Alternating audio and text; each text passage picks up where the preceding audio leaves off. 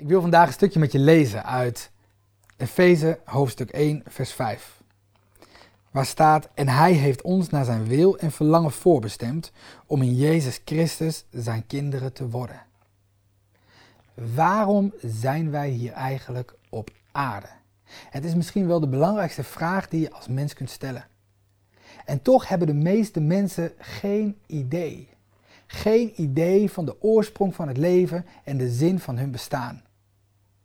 En weet je, dan is er alle ruimte om zelf wat te bedenken. Sommige mensen die sparen en die sparen net zo lang tot ze hun droomhuis kunnen kopen. En dan plant je daar een boom naast en je koopt een beest en dan heb je een huisje en een boompje en een beestje. En dan leef je daarvoor. Nou, anderen die willen helemaal geen groot huis, die willen een hele grote rugzak en die willen de wereld in. Dat zijn de avonturiers. En als ze dan terugkomen, dan willen ze eigenlijk nog wel een keer en nog een keer. Net als bij de achtbaan, weet je wel. Je hebt mensen in allerlei soorten en maten. Je hebt carrière-tijgers. Je hebt huismannen en huisvrouwen.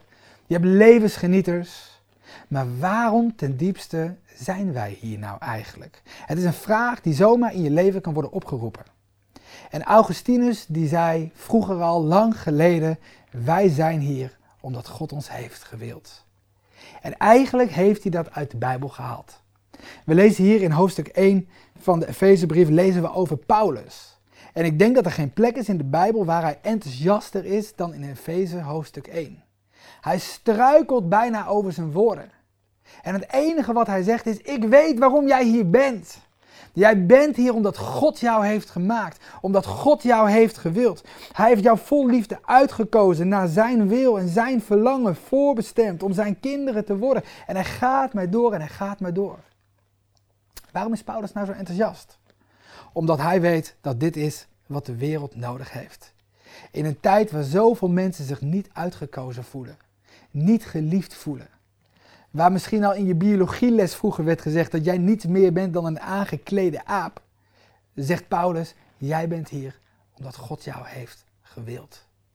En weet je, het is bijna onmogelijk om een overstatement te maken van Gods liefde voor jou.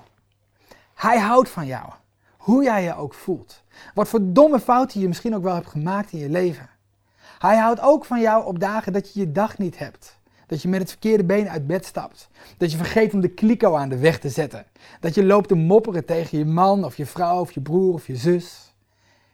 En het grootste bewijs dat God van je houdt, is dat hij Jezus, zijn zoon, heeft gezonden om voor jou te sterven. Dus hoe jij je ook voelt, wat mensen ook hebben gezegd, laat op dit moment alle stemmen zwijgen, want jouw vader wil tot je spreken. Je bent geliefd.